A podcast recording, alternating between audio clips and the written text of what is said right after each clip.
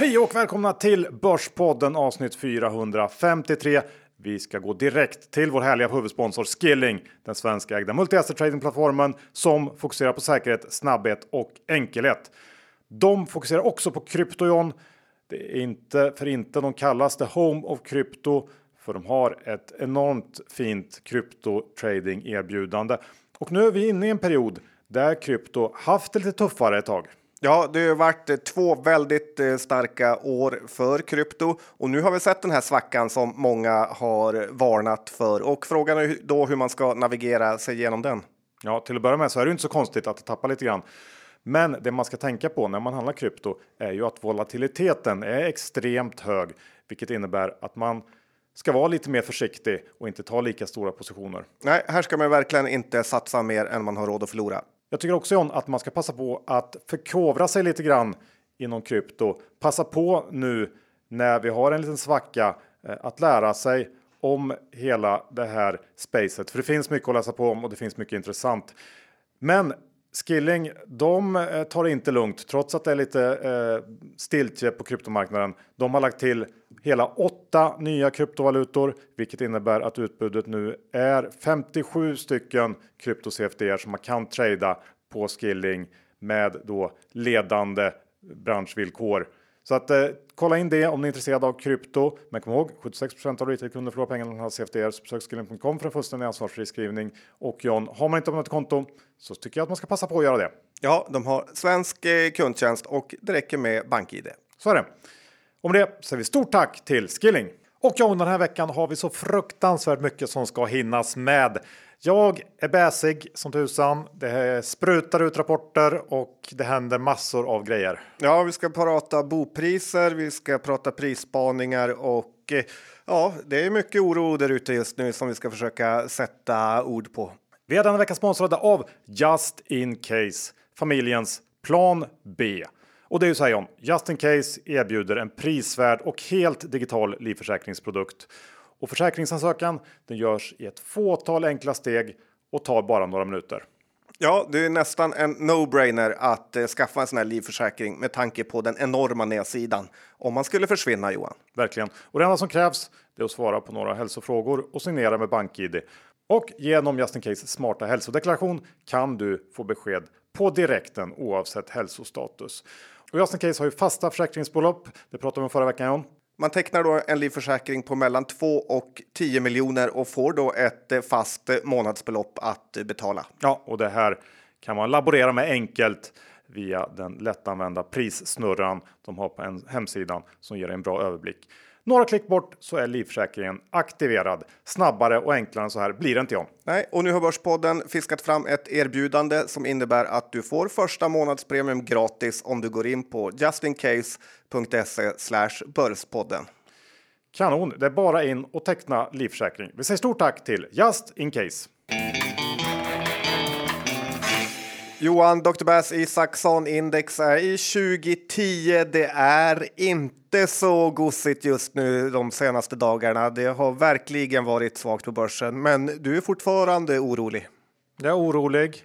Eh, kanske mer än någonsin ska jag säga. Låter inte bra när doktorn är det. Nej, eh, och PhD i Bass. Ja, men så är det. Ja, men jag har en väldigt dålig känsla uh, inför börsen nu och vad som komma skall. Jag får faktiskt lite 2008 känsla.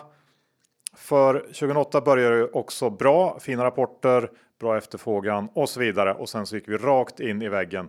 Och precis då som nu så var Ingves ute och höjde räntan rakt in i kraschen. Eh, förra veckan var ju Ingves ute i DI i en uppmärksammad intervju och eh, där sa han ju att han såg inga som helst konstigheter med 10 räntehöjningar fram till nästa årsskifte. Och det är väl ganska uppenbart att ekonomin inte klarar av det. Speciellt inte då vi samtidigt ser ut nu då att gå mot en betydligt kärvare konjunktur redan innan några höjningar alls. Eh, köpkraften är på ett eller annat sätt på väg ut för ett stup med stigande kostnader på i princip alla plan och då är räntorna på bolånen fortfarande nära noll. Man är för sen på pucken här eh, när det gäller räntan. Eh, och precis som så många gånger tidigare så kommer centralbankerna istället bara skynda på och driva på den här kraschen ytterligare. Så det får, jag har extrema 2008 flashbacks nu. Ja, men lite är väl vad Ingves säger, vad hästen skiter. Så att det brukar inte bli det han säger som händer i alla fall. Kanske en räntehöjning, sen får han eh, backa igen. Nej, men jag håller med dig om att den här nedgångsperioden är lite läskig. Det är som en blandning av it-bubblan och finanskrisen.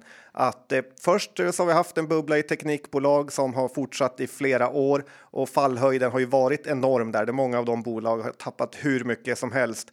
Och sen är vi nu på väg att krypa över mot finanskrisproblem eh, som har varit att det varit svinhög efterfrågan på saker eh, som plötsligt riskerar att minska snabbt och eh, ja, krossa många av de här vanliga bolagen. Och sen hela eh, husprisproblematiken på det. Ja, men vi kan väl ta lite boprissnack när vi håller på. Ja, men det här är en spaning åt ett annat håll då, att alla varnar ju för boprisfall nu, men hittills har det varit precis tvärtom. Bostadsmarknaden är på topp och tänker man lite längre så är det ju möjligt att det blir precis tvärtom mot vad alla experter tror att eh, priser på bostäder kommer att stiga eller i alla fall stå sig ganska bra. För det är ett av de absolut bästa inflationsskydden man kan få. Dels på så sätt att eh, ens lån blir mindre av sig självt, men också att eh, fastigheter nog en normal marknad i alla fall stiger minst med samma takt som inflationen. Fallande bostadspriser på stigande ränta är ju sån level 1 att eh, det nästan omöjligen kan komma som en chock för marknaden kan man tycka och oftast är det ju mer lågkonjunkturer, typ 90-talet eller finanskrisen som utlöser sådana här fastighetskriser än en stigande ränta. Och sen har vi det bästa och det är att Finansinspektionen har ju varnat för ett prisfall på 30 procent, vilket är väl en garanti för att det inte kommer hända. Eh, och sen tycker jag att man måste särskilja lite grann på privatbostäder och börsnoterade fastighetsbolag. Mm, visst, tycker lite att det låter som att det här är en liten kille med nyinköpt borgmästarvilla som snackar nu. Eh, mycket snack i egen bok. Jag är lite rädsla att inte få vara borgmästare längre. Johan. Få flytta hem till Umeå i ett radhus. Ja, men jag kan ju definitivt se framför mig eh, ett scenario där fastighetspriserna sjunker en del. Det har ju ändå varit en sinnessjuk hås eh, på den marknaden, så jag är inte alls lika övertygad som dig att det är jag sa bara att det är en always invert tanke, att man mm. inte behöver köpa rakt av att lite räntehöjning ska leda till fullständig bostadspriskrasch. Nej, du, jag tyckte det var lite intressant det du var inne på eh, med efterfrågan och att den kan vara överskattad. Jag har eh, eller är inne lite på samma bana. Eh, vad har du tänkt kokat ihop här? Nej, men jag är faktiskt väldigt orolig om jag får vara bäsig att vi överskattar efterfrågan just nu. Precis alla bolag vill bli som Torsten Jansson och öka sina lager. Tittar man på bolagens kassaflöden har nästan varenda bolag ett mycket, mycket sämre kassaflöde i år än förra året och det beror på att man säkrar upp sitt lager inför leveransstörningar, eh, vilket i och för sig tyder på att det inte finns så stora leveransstörningar eftersom alla kan göra det. Och eh, jag kan tänka mig att många underleverantörsbolag, typ Beijer Alma och Bufab och de här att de gynnas något enormt av lageruppbyggnad och eh, det är mycket möjligt att bolagen eh, kommer skylla på en vikande efterfrågan framöver på grund av lageruppbyggnad som då väntas avta i H1 2023. Eh, som ni hör, det finns alltid något att skylla på och tyvärr så är det ju så att bolagen mycket mer reagerar än agerar. Och nu när alla har byggt upp sina lager så har det faktiskt redan hänt. Ja, men jag håller helt med här. Och det här sker ju i flera led tror jag också. Det är underleverantörer som bygger upp sina lager eh, för att kunna leverera till sina kunder som i sin tur då bygger upp lager för att kunna leverera till slutkund. Och jag tror att problemet eh, snart kommer uppstå i att slutkunden eh, får svårt att köpa så mycket varor som eh, man har gjort tidigare. Under pandemin så köptes det ju väldigt, väldigt mycket. Efterfrågan bara steg rakt upp i höjden och eh, jag tror att nu tajtas det till på alla håll och kanter. Jag tror att det snabbt kan bli en, en rejäl dipp i efterfrågan som eh, ja, kan komma som en chock för många bolag.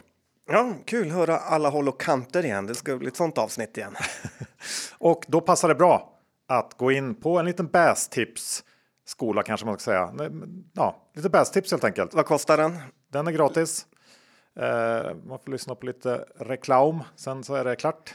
Bra. Ja. Eh, för det är ju så, om vi nu står inför en riktigt stor nedgång så är det lite grejer man ska ha med sig. Och det var länge sedan vi hade en sån. Jag tycker inte att coronadippen riktigt räknas. Den var ju över eh, innan man knappt hann blinka. Eh, jag tänker här någonting lite mer utdraget. Ja, men det är inte omöjligt. Det är flera börsbäsar har ju varit i flera år.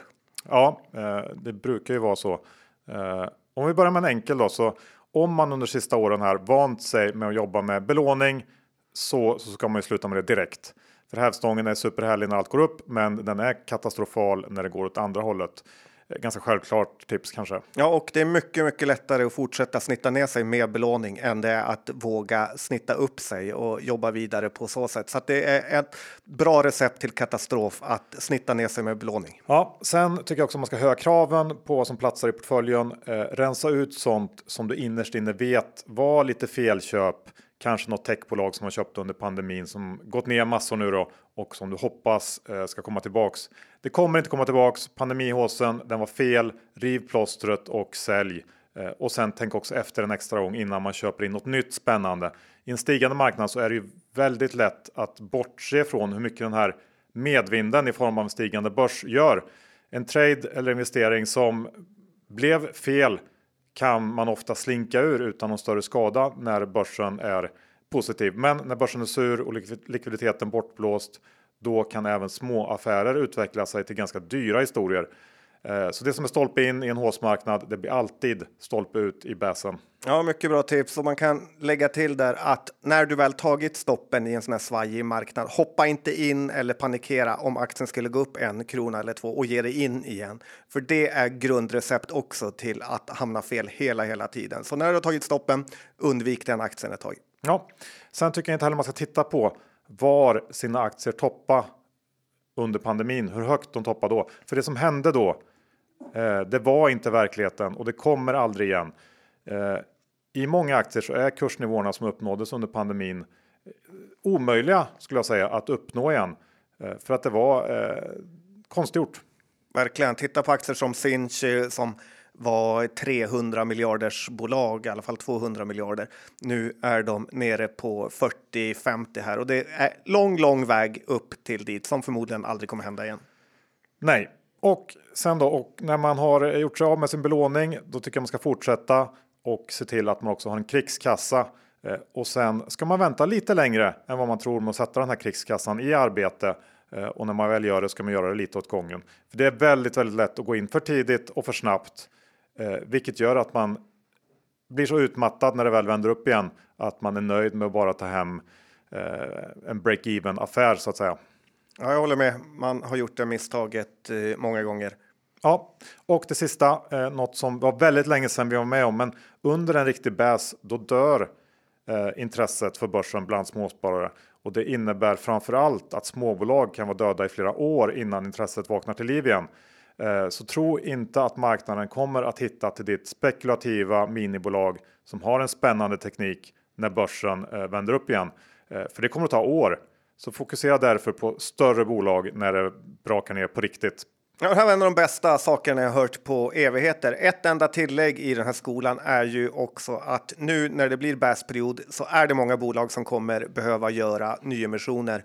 Eh, det kom, kan vara bra att spara pengar till sådana också, för då kan kurserna bli rejält, rejält nedtryckta. Vi såg det Ericsson under 00-krisen, Trelleborg och andra bolag under finanskrisen. Så att eh, spara pengar till nyemissionsfiesta. Ja, eh, och vad är ett avsnitt av Börspodden utan en spaning John? Ja, men jag har gjort en spaning här i Günther Mårder anda faktiskt. Eh, och eh, sista tiden har ju de här prishöjningarna Eh, varit så snabba på vissa saker att vissa företag inte har hängt med. Till exempel bensinmackar som vanligtvis tar enorma överpriser för till exempel ett kaffepaket har nu glömt att höja priserna på dem eftersom kaffepaket inte är en av deras huvudprodukter. Jag såg att ett paket Zoegas kaffe på Preem Bromma kostade 64 kronor, vilket är billigare än på Ica. Samma sak här med 7-Eleven vid Odenplan. De har också glömt bort att höja priserna på eh, sina kaffepaket. Så att här kan man faktiskt eh, fynda och i alla fall fynda jämfört med tidigare. Så att ja, det går alltid att hitta något om man har ögonen med sig. Smarta John. Mm, många kronor du sparar. Det märks att det har gått bra på slutet. du, eh, på tal om att gå bra eh, så var det ju en lite speciell händelse som skedde i USA här förra veckan när lockupen i Babylon gick ut det här i hälsobolaget som var extremt hypat under pandemin. Ja, det är någon typ av krykopia eh, får man säga. Ja, eller tvärtom kanske. Ja, snarare det kanske. Och eh, den tappade 50% samma dag som lockupen gick ut på aktien. Och Eh, jag stör mig så otroligt mycket på det här, vi ska komma till det. Men Storskogen tradades ju ner varenda dag fram till sin lockup och eh, det är så otroligt konstigt hur EQT-topparna kunde fuska ur sig ur sitt lockup-avtal och sälja aktier på 370 kronor som tog marknaden helt eh, på sängen att efter det här inte säga att lockup-avtal är marknadspåverkande är ju bara löjligt. Och nu när EQT-aktien handlades i 274 kronor efter en usel rapport igår så blir man ju bara argare och argare på hur storfinansen verkligen kan göra precis som de vill utan konsekvenser. Men jag hoppas varje gång de här EQT-topparna träffar sina aktieägare så ja, jag hoppas de skäms över sin girighet Johan. Here, here och Börspodden fortsätter att kämpa i ur och skur på småspararnas sida. Ja, så är det, men mm. det är inte så många som eh, är på den. Sådana är vi. Ehm, då avslutar vi med ett visdomsord. Ja, det kan det, behövas i dessa ja, tider. Jag vet inte Johan, det är lite så här läskigt, men något som man inte hört så mycket än om, men som kommer börja komma nu här i slutet av april är ju den klassiska fasen sell in May and go away. Eh, vilket är ju något man ofta önskar att man hade gjort för att slippa förstöra ännu en sommar med att behöva fokusera på börsen och alla ens surdegar. Ordspråket har ju kommit till av en anledning och lite är väl 2022 redan ett bortkastat börsår eh, kan man tycka, så att det är kanske lika bra att sälja allt nu. Vi har ju nu Q2 som lite skulle kunna bli drabbade av det här vi pratade om lageruppbyggnad, prishöjningar, inflationsproblem och så vidare. Eh, och sen har vi hösten med september, oktober, november som brukar vara ganska så svaga och eh, sen alltid då semestersvaga Q3 år efter det. Och när det är gjort kan vi börja titta in i 2023 som skulle kunna bli ett år utan pandemier och krig. Eh, så kan man alltid invertera allt också och säga att det är precis nu man ska köpa. Vi har den vecka med oss vår exklusiva fondsponsor Fidelity. Rickard, de asiatiska marknaderna har stått relativt starkt under rådande börsturbulens. Varför då? Ja, generellt så kom ju Asien in från ganska låga nivåer från 2021 och vi hade ganska kraftiga sättningar där. Nu är inte de särskilt beroende av den här stora Rysslandskonflikten tillsammans med Ukraina som härjar, eh, framförallt då som påverkar oss här i Europa. De asiatiska bolagen har ju huvudsakligen riktat in sig på den inhemska populationen som jag nämnt många gånger tidigare. Och de är inte i allra största del beroende av USA och Europa som sina marknader.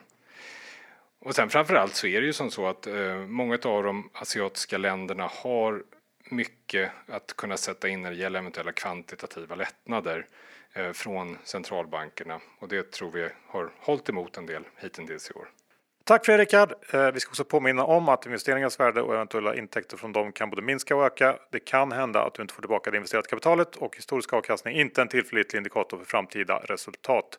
Våra sponsorer tar inget ansvar för det som sägs i podden och åsikter uttryckta kan redan agerats på och inte längre gälla. Och investeringar på tillväxtmarknader kan vara mer volatila än på andra mer utvecklade marknader. Stort tack till Fidelity International. Vi är denna vecka sponsrade av Lunar och John. När börsen är så svajig som de varit i år, då är ju vårt räntesparande som vi har via bolaget hos Lunar väldigt, väldigt skönt att ha. Ja, det är man ju ganska så tacksam för när man tittar i ens eh, portfölj för att det här är otroligt skönt att få ett eh, stabilt kassaflöde månad för månad, ränta, amorteringar som tickar in till en bra ränta dessutom istället för aktier som bara går ner. Och det är precis nu och så man ska använda sparandet på Lunar. Så är det. Vi har haft vårt sparande där i flera år via bolaget och eh, använder också andrahandsmarknaden ganska frekvent. Du är inne och köper lån titt som tätt John. Det gör jag och om man vill avsluta sitt sparande eller behöver pengar så går det att sälja eh, på andrahandsmarknaden. Vill man snabbt rampa upp det så går det att köpa mer. Fantastisk uppfinning av Lunar. Ja, så om man inte har kommit igång med det här än så tycker vi att eh, det bara är att göra det. Det är enkelt. Man går in på luna.app och kommer igång helt enkelt. Svårare än så är det inte. Nej, det är extremt lätt. Ja, så vi säger ett stort tack till Lunar. Vi är denna vecka sponsrade av Privata Affärer och både du och jag John är ju nöjda prenumeranter hos Privata Affärer. Ja, jag läser den direkt den kommer. Jag tvingar mina barn att läsa den för att få en allmänbildning. Det finns så extremt mycket intressanta artiklar och eh, ja, analyser om aktier. Ja, och det räcker ju faktiskt med bara ett råd som blir rätt så har du snabbt tjänat igen hela prenumerationsavgiften. Och nu har vi också ett specialerbjudande till alla lyssnare. Man får sex nummer av privataffärer plus två nummer av placeringsguiden för bara 299 kronor och då sparar man hela 493 kronor mot ordinarie pris. Så det här tycker jag verkligen att man ska prova. Ja, det är nästan ett, eh, ja, det är ett tjänstefel om man inte signar upp sig på det här erbjudandet, för det är så otroligt mycket info man får. Ja, så gå in på www.privataaffärer.se snedstreck april 22, alltså privataaffärer.se snedstreck april 22 i ett ord. Vi säger stort tack till Privata Affärer.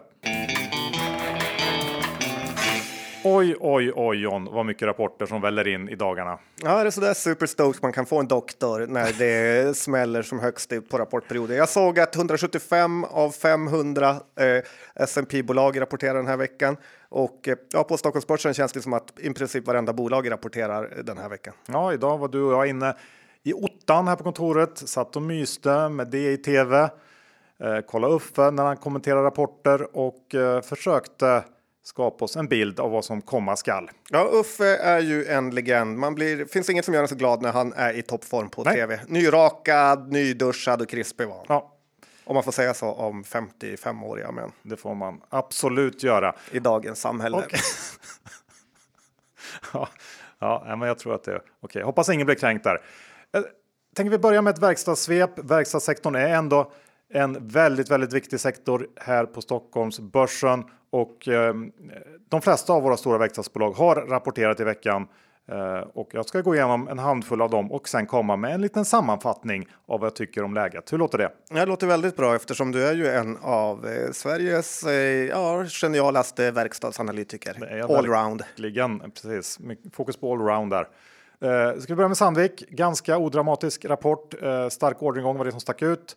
Lönsamheten var lite svagare än väntat. Eh, blev inga större revideringar där från analytikerna efter rapporten. Mining är det som går starkt. Det var väntat. Eh, sen kan man kanske vara lite mer oroad kring den här kortcykliska affären. Eh, SMT ska ju spinnas av i Q3. Det kanske bidrar till att hålla intresset uppe för den här aktien. Men jag tycker generellt inte att Sandvik är någonting som man bör hetsa upp sig för just nu aktiemässigt. Nej, no comments. Nej, det är svårt att, att, tycka så mycket kul om den. Sen har vi SKF som jag tyckte var eh, den verkstadsrapport som verkligen stack ut givet förväntningarna. Rickard Gustafsson, gamle SAS vd, har ju haft det motigt sen han klev på vd-jobbet för SKF och eh, marknaden har ju varit väldigt skeptisk till de här målsättningarna som han satte upp tidigare eh, här för någon månad sedan. Men Q1 var helt klart ett steg i rätt riktning. Eh, framförallt så gjorde SKF ett väldigt bra, oväntat bra jobb med lönsamheten under det här kvartalet Eh, som kom in betydligt bättre eller högre än väntat och eh, det ledde i sin tur till ett resultat som var nästan 20% bättre än väntat. Eh, lite försiktiga utsikter eh, inför resten av året var väl det som var negativt i rapporten. Men jag tycker att det var eh, sammantaget en riktigt fin rapport från SKF ändå som Fått lite väl mycket skit kanske på slutet. Ja, det har varit någon liten hatkampanj mot honom i det att han inte har med sig eh, gänget i Göteborg på de här målen. Däremot blir man lite skeptisk när man tittar på andra bolag, typ Schaeffler Group och de här. Det går aldrig riktigt att långsiktigt eh, få någon fart på de här aktierna, men vi får hoppas att Rickard Gustafsson kan få det. Ja, eh, ABV kom också med stark eh, Q1. Eh, I linje med många andra så var order bättre än väntat. Marginalen var faktiskt också bättre än väntat. Höga volymer och eh, prisökningar har kompenserat för den här kostnadsinflationen som vi har sett under kvartalet och eh, eh, i övrigt så guidar man för att Q2 ska bli ungefär som Q1. Sen är planen också att särnotera i Mobility här under Q2. Den planen ligger fast. Så det går väl, det känns som att ABB är i en ganska stark position, även de. Ehm, men svårt att bli upphetsad över den aktien också tycker jag. Sen har vi Atlas. De tycker jag faktiskt för ovanlighetens skull hörde till Eh, Eh, de som presterar lite svagare i sektorn under kvartalet. Stark orderingång, men sämre resultat än väntat. Eh, andades lite svaghet i outlooken. Får man prata om en osäker marknadsutsikt och att aktiviteten kommer att försvagas under Q2 jämfört med Q1. Eh, det var en okej okay rapport, men Atlas värderas ju så väldigt mycket högre än många andra i sektorn och då tycker jag att man måste ha högre krav på sig än så här. Så det duger inte. Ja, jag såg väl orderboken var uppe i 40 miljarder nu. Eh, det är ju en massiv orderbok så att ja, kunderna verkar gilla dem i alla fall. Så, eh, så är det ju. Eh, sen måste vi ta Volvo lite snabbt också tycker jag. Vi har ju vant oss vid starka rapporter från Volvo sista tiden och det här var inget undantag. Nästan 20% bättre på resultatet och Volvo har uppenbarligen klart av alla utmaningar med supply chains och kostnadsökningar på ett bra sätt. Och den enda missen var väl orderingången som kom in ganska långt under förväntningarna, eh, drygt 20 lägre än väntat. Men det förklaras av att man är restriktiv med att ta in order nu. Eh, de de redan har en i princip full orderbok med väldigt långa leveranstider eh, och Volvo höll också i stort fast vid de här prognoserna över lastvagnsmarknaden i år, förutom en, en sänkning i Kina. Så det talar väl för att de ja, talar sanning där helt enkelt. Det tror jag verkligen att de gör, för Martin Lundstedt är ju gammal Scania-kille och eh, under finanskrisen så hade ju Scania under flera kvartal negativ orderbok. Eh, jag tror de har lärt sig något av det och jag köper verkligen argumenten att de är restriktiva med orderboken. Så att eh, Volvo levererar återigen. Ja, och Volvo är ju fortsatt en billig aktie. Vilket den kanske också ska vara så här i slutet som jag ändå får anta att det är. Ändå en konstigt monster att... hög konjak. Ja, lite. Samtidigt lite irriterande att den inte är i närheten av att komma upp till sina amerikanska peers eh, värderingar. Eh, stör jag mig lite på. Det gör det. Mm. Mm. Ganska lite i och för sig. Ja, det finns andra grejer som man stör sig mer på. Eh, på börsen och i livet stort. Eh, mest i livet.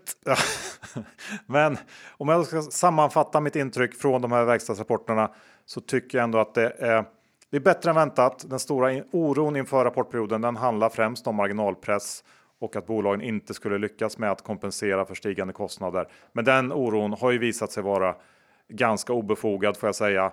Eh, det jag är lite orolig för som vi var inne på i början här John, är att den här starka efterfrågan som visar sig då i fin orderingång hos de flesta verkstadsbolag delvis då kan handla om att kunderna rampar upp lite extra på lagersidan just nu för att inte hamna i en situation där man inte kan leverera. Um, och att det här då händer samtidigt som det finns en ganska stor risk som jag ser det för att slutkundsefterfrågan snabbt minskar. Um, det skulle ju kunna resultera i någon slags tvärstoppssituation senare i år. Ehm, om alla sitter med för stora lager och ingen vill köpa någonting. Så det är lite orolig för verkstadssektorn där. Um, just på den punkten. Och lite känns det som att börsen vet att vi har en lågkonjunktur framför oss och vill se lite svagare eh, rapporter så att det kan bli bättre. Att det nästan är besviken på att rapporterna är så bra eh, det här kvartalet och då kommer rapporterna bli sämre i Q2. Eh, därför vi inte får se några uppgångar på ändå ganska så fina rapporter. Kan vara så. Nu går vi över till Vestum, eh, förvärvsraketen.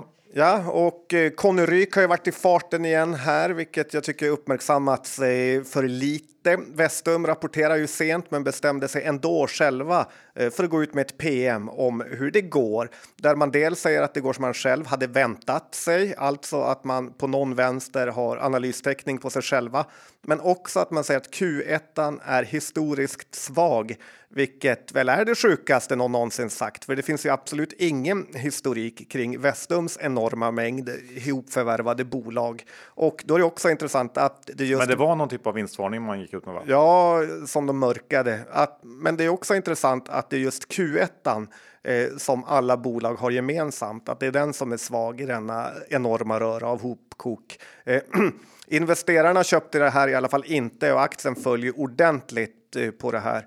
Och jag tror fortfarande att Vestum skulle kunna bli 2022 eh, års största härva och det här klustret av bolag är ju fortfarande faktiskt värt 10 miljarder kronor.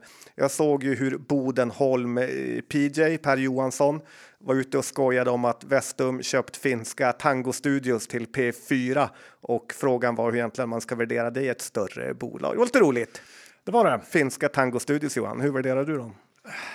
Ja, det är svårt. Jag kan inte så mycket om branschen, men det känns ju ändå som att det är en ganska stabil efterfrågan. Det är väl sales där eller? Ja, skulle säga det. någon slags multipel på det. Eh, bra, då har vi gått igenom Vestum. Sen vill jag ju höra lite grann om den lilla eldflugan som rapporterade igår, Firefly, eh, där du sitter med bland storpotäterna som ägare, långt upp i toppen på ägarlistan. Ja, hur mycket drog du smygen igår och hoppades att det skulle vara en katastrofrapport? Nej, på riktigt så kände glädjes, jag gladdes heter det, med dig eh, igår eh, för att det har varit tufft nu och jag vet att du behövde den framgången. Mm, based on a true story kan ja. vi kalla det där. Nej, men vi har inte pratat om den här aktien på ett halvår eller så. Så att det kan vara lite passande att jag eh, säger några väl valda, för jag har en ganska stor stek där och jag pratar gärna om det det här kvartalet då det var en monsterrapport Johan som presenterades denna Q1. Firefly börjar... Lite lugnt. Jag så visste att det var det. Superlativen. Det var en bra rapport. Ja, ja men det var det. Det var ett mm. monster. Ja, det... Firefly börjar... Litet monster. Jättelitet. Tamagotchi. eh, nej, men Firefly börjar ju äntligen bli ett bolag man, eh, som liksom det bolag jag hoppades på och eh, nu har tagit upp sig på en sån nivå att det är mer än småsparare som eh, kan vara intresserade av det här. Eh, rörelseresultatet var 10 miljoner kronor i ett kvartal som annars eh, brukar vara ganska så svagt och då ska man ju lägga till att Firefly inte aktiverar en endaste krona utan det här är hard earned cash Firefly har ju inte någon skuld heller utan har ett rejäl nettokassa och massa andra tillgångar som varulager på 70 millar. Orderstocken fortsätter att växa, vilket innebär att man kommer ju fortsätta tjäna pengar när den levereras ut och idag är ju X-dagen för en fin utdelning på 250 kronor. Tyvärr är det ju nästan inga småsparare som är med på det här tåget, för jag har inte velat håsa kan man väl säga Johan. Samtidigt som Affärsvärlden, Börsveckan, Stockpicker, Placera och allt vad de heter har ju totalt underskattat det här lilla Tamagotchi-monstret. Och ja, det kanske är för ja, de hatar mig Johan. Nu... Kan det vara så? eh, nu tror jag vi bryter Resten kan du spara till någon slags biografi eller någonting du kan skriva. Nu börjar du skena iväg. Ja, ja, men Firefly, det är inte en aktie eh, som jag kommer sälja här, utan eh, jag tycker att det är kul att de fortsätter leverera så bra. Ja, men absolut, jag håller med. Eh, sen har det varit relativt, får man säga, högt värderat sista åren. Eh, inte varit någon, någon liksom P10-aktie. Eh, så att du har ju fått betalt också för de här framgångarna i form av en hög multipel på ett ganska litet bolag ändå. Ja, så kan man säga. Eh, jag tänker också att vi ska gå över till eh, och prata om eh, Ilja och SBB som ju har släppt rapport här på morgonen. En av dagens eh, höjdpunkter får man säga. Ja, jag satt ju och försökte få den här dagliga Ilja imitationen av Bibi Trader som han är ju fantastisk på att eh, imitera. Men så här, SBB har ju halverat från toppen och eh, skadeglädjen har ju varit ganska stor från många. Eh, då SBB har haft eh, stor framgång bland småspararna och blivit den mest ägda aktien. Ilja är ju extremt HC i den här rapporten och slår ju ett eh, slag för att han har bundit räntorna på 3,7 år i snitttiden. Och det låter inte så långt, men det är alltså snittet så att det är inget bullshit att högre räntor inte är något jättehot Eh, mot SBB kortsiktigt i alla fall. Och ökar räntan så har man ju också bättre möjligheter att höja hyrorna för att eh, kostnaden för att äga fastigheter blir högre. Eh, Ilja är ju också eh, alltså väldigt, väldigt positiv i den här rapporten och vd-ordet och säger ju att SBB kan fortsätta ge utdelning även om räntan går upp till 10 procent. Eh, och tror man på det här så är ju SBB ett eh, solklart köp. Eh, så är det ju bara.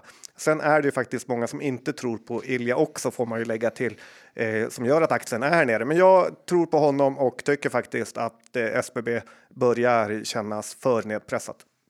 Ja, det var ändå ett, ett steg i rätt riktning tycker jag också. Eh, mycket brus kring den här aktien nu med allt från blanka rapporter till eh, gud vet vad. Så att man får nog ge det lite tid och, och se lite grann hur, hur kvartalen här utvecklar sig som kommer. Men ett steg i rätt riktning. Eh, Desenio då, var det ett steg i rätt riktning? Nej, de har också rapporterat på morgonen. Det har de gjort och det här var ju verkligen inte ett steg i rätt riktning utan det här var en haverirapport eh, som är lite mörkad och eh, ja, jag vet inte om du läste, men i veckans Affärsvärldens golvet stod det att Desenio kan bli det nya Eniro, eh, sa en full vd på Rischs avbytarbänk. Nej, men eh, det kan ju verkligen bli så för att Desenio har ju Desenio har ju en nettoskuld på en miljard. Man har nu ett negativt eh, kassaflöde på eh, 50 miljoner och så har man bara 100 miljoner i kassan. Alltså det här haveriet i bolag. Eh, det borde bli någon typ av class action åtgärd från spararna som blivit blåsta av ledningen och investmentbankerna här. Det enda positiva med Desenio är ju att de har en bruttomarginal på över 80 procent. Men nackdelen är ju att det de säljer är ju inte värt så mycket utan det är otroligt lätt att eh, kopiera. En plansch med ett tryck på som kostar 399 för en kund men 8 kronor att tillverka. Det är ju inte någon brutal moat eller vallgrav som Buffett eh, skulle sagt utan äh, jag tycker det krävs ett vd byte, nyemission och ett förlåt och sen kan man eh, börja om här. Men jag kommer inte röra det här bolaget förrän de har gjort en nyemission. Nej, du kan vara någonting på spåren där. Nu eh, vill jag att vi vänder blad och jag vill ha Du och kungen. ett litet Doktorn och kungen. från dig John. Ja, Inte till mig, nej. utan till en vd som heter Magnus Groth. Ja, vd då- för Essity. Då har du Som slog till med en monsterrapport här i Kötan. ingen tamagotchi där inte. det var ett riktigt men det var monster. konstigt att du vill ha förlåt eh, från mig där. Jag har ju ändå varit hela tiden på rätt eh, sida. Däremot har ju Blecker, eller Bleck, vad säger man, Blecker Johan? Ja. ja Blecker. Jag, skojar bara med han. Eh, men Simon Blecker har ju på något sätt tagit över min roll som Magnus Groth-jägare. Men tyvärr började han på botten här. Och eh, det var ju inte så bra tajmat, för nu har ju Mange G verkligen levererat. Eh, jag tror dock att han är mer i rätt eh, sektor än att han har gjort något kanonjobb. Kimberly Clark i USA presterade också en topprapport som gick upp eh, något liknande 13-14 procent eh, i USA. Eh, Men grejen är ju att Essity är ju ett fantastiskt bolag Eh, och överallt man går i Sverige eller utomlands eh, så ser man ju deras torkprylar på toaletter och badrum och så vidare. Och det är ingenting som kommer förändras. Eh, men det gör ju också att man får känslan av att det skulle kunna gå så mycket bättre och kunna gå och kräma ut så mycket mer ur Essity eh, som gör en frustrerad och därför eh, är väl en av anledningarna till att man har gett sig på Mange G. Essity knoppade sig av 2017 och den är i princip på samma kurs då eh, som nu, vilket är ju frustrerande för aktieägare. Eh, köpläge kan man ju tänka då, men det är snarare så att Essity inte skapar något egentligt aktieägarvärde utan att det bara finns där egentligen. Och sådana bolag brukar ju helt plötsligt inte börja eh, bara leverera. Eh, det är lite som Saab, det skulle behövas en riktig, riktig kicker här för att få igång det på eh, ja, alla cylindrar. Ja, men det är mycket möjligt att du har rätt där. Eh, sen har jag ett bolag eh, som jag älskat att bäsa den sista tiden. Eh, jag tänker på Byggmax, de har rapporterat och där blev jag lite besviken. För de kom in bättre än väntat eh, i det här då, för Byggmax lilla första kvartalet. Försäljningen höll uppe bättre än eh, väntat och bruttomarginalen var också en positiv överraskning.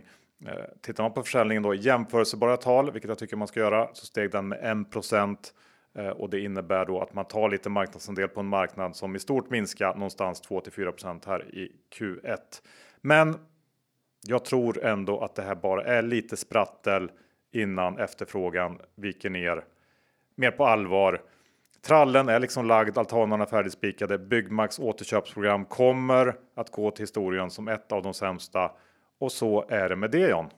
Ja, lite hårt där med tanke på att Boliden köpte tillbaka aktier på 200 spänn och sen gick den till 20 så att det, det är ändå inte. Ja, då, har du, då vet du ungefär vad jag förväntar mig av Byggmax-aktien. Ja, och sen hörde jag av några snickare här att det är faktiskt så att det på riktigt är slut med plank i Sverige. Det finns inga plankor att köpa. Det, Ukraina och Ryssland var stora leverantörer av brädor och eh, skog till Sverige. Så att nej, det är inte Och för mig är det helt, positivt. helt liksom orimligt att tro att eh, den här hemmafixarmarknaden ska fortsätta helt eh, som om inget har hänt när det var en av de stora, stora vinnarna på pandemin eh, och att det då nu ska fortsätta på den nivån mer eller mindre givet hur konsumenternas plånbok blir allt tunnare och tunnare. Jag har väldigt svårt att se det och eh, jag tror helt enkelt att det kommer att komma en större nedgång i den här marknaden. Till Byggmax försvar får man säga att det har ju värderats väldigt, väldigt lågt. Eh, att det har inte varit något P20 bolag utan det har varit snarare P 6 7 bolag på Ja, så toppvinster. Så Ja. att eh, ett eh, normal P-tal på 12 13 skulle ju ändå göra att det inte blir ett enormt fall. Så kan det absolut bli. Eh, ett till bolag som jag varit negativ till och du däremot har skyddat och kåsat i ur och skur. Det är Technion och Stena. Stene och Technion får man säga levererar faktiskt även de då i Q1. Mm, det gjorde de och en väldigt fin rapport där och Stene visar ju ändå varför han är en sån här kille man vill vara i samma båt som. Eller som han själv skriver i vd-ordet, eh, håll i dig Johan. Kan vi välja surfar vi hellre än paddlar, men vi flyter aldrig bara omkring. Det är Johan Stene det. Ja, men jag tycker faktiskt läs vd-orden Johan Stene skriver. Det är en av börsens bästa. Tittar man på bolaget så är ju P-talet här just under 20 på rullande 12 och eh, ja, skulle det bli en stor dipp på börsen så kommer i alla fall jag hålla koll på technion aktien här, för den studsar ofta snabbt eh, tillbaka. Och eh, jag gillar också att Johan Stene avslutar vd-ordet med Ryssland ut ur Ukraina, vilket är väl modigare än alla andra vd på Stockholmsbörsen tillsammans. Ja, jag vet inte. Är det det? Ja, det är det. Jag sa just det. Ja, ah, ja, okej. Okay. Eh, när vi ändå pratar krig, Saab kanske vi ska ta upp. Gör det. Ja, eh, det är Mikael med C. Årets kanske mest populära aktie. Eh, och det unnar jag dem för det har varit många år av motvind här. Eh, men jag är besviken på Saabs Q1. Eh, visst, omsättning och resultat var lite bättre än väntat. Orderingången var stark. Det, det, måste ju också varit extremt väntat. Men ledningen, de envisas med att upprepa den här svaga guidningen om en vinstökning på 8 till 12% under 2022. Och det innebär då om man lyckas med det att man precis tar sig förbi det resultat man presterar 2019. Borde inte Saab kunna prestera bättre än så givet hur världen ser ut? Jag tycker det. Eh, jag tycker att det är lite för trött helt enkelt. Ja, det är möjligt, men eh, Saab-storyn kan ju också just ha börjat. Eh, vi ser väl en upprustning som kommer pågå i alla fall 10-15 år framåt. Ja, absolut. Så, att, så, så, är det ju verkligen. Och, uh... Så att döma ut dem på första kvartalet efter kriget. Ja, lite hårt Johan. Efter du har älskat dem genom ur och skur i motgång så blev du sur. Kan nog bero på att jag inte äger några aktier längre. Okej, okay. ja, nej, men kämpa på Saab. Vi behöver ja, ett bra försvarsbolag. Alltså lite mer go-getter-anda bara känner jag. Ja, det håller jag 100% med om. Verkligen med go-getter-anda. Ja, bra. Då är vi överens. Uh, vi gillar ju go-getters. Ja, det gör vi. Verkligen. Och eh, då kan man fråga sig om IAR numera har en go-getter strategi efter att ha lagt om eh, Eh, mycket i bolaget sista året. Ja, men jag tycker det. Att det var lite utropstecken här den senaste rapporten, även om man missade på resultatet med någon enstaka miljon. Och tittar man noggrannare på IARs resultaträkning så går de ju från att aktivera arbete på 20 miljoner till bara 12 i det här kvartalet vilket egentligen ger en enorm motvind på resultatet kortsiktigt. Det känns som de håller på att styra upp det här bolaget och eh, ja, jag kommer faktiskt att eh, inleda lite bevakning på IAR nu för en entry point. Jag tror att de eh, verkligen har något på gång. Det tar ju som sagt längre tid än ett eller två kvartal att förändra ett bolag, men de har ju verkligen något. Ja, jag tror också det är någonting man ska hålla koll på. Det Eh, som du säger, det tar tid, men det här är ett bolag som stått stilla mer eller mindre sen, jag vet inte, 2016, 2017. Eh, någonting behövde göras. Så nu, ja, jag håller med. Det kan vara så att man är på rätt spår här eh, och att det är någonting som är värt att hålla koll på.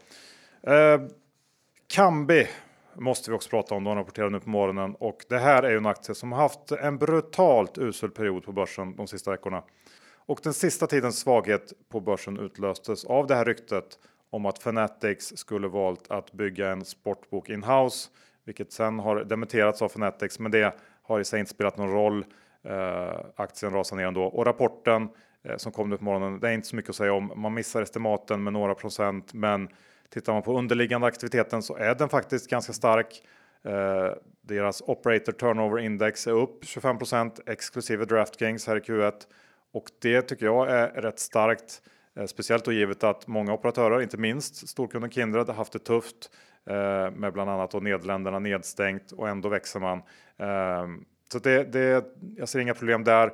Men det är inte den här rapporten som det hänger på i Kambi-caset. Eh, bolaget måste på något sätt nu ta tag i storyn och narrativet kring bolaget och deras möjligheter. Nu är ju den stora eh, taken att alla ska gå inhouse. Eh, aktien tappade 6-7 nu på morgonen när vi gick in i studion och eh, det handlar ju inte om siffrorna i rapporten utan det handlar om att folk börjar ge upp eh, för den här storyn är död. Så därför vore det trevligt om man nu kunde signa lite nya kunder.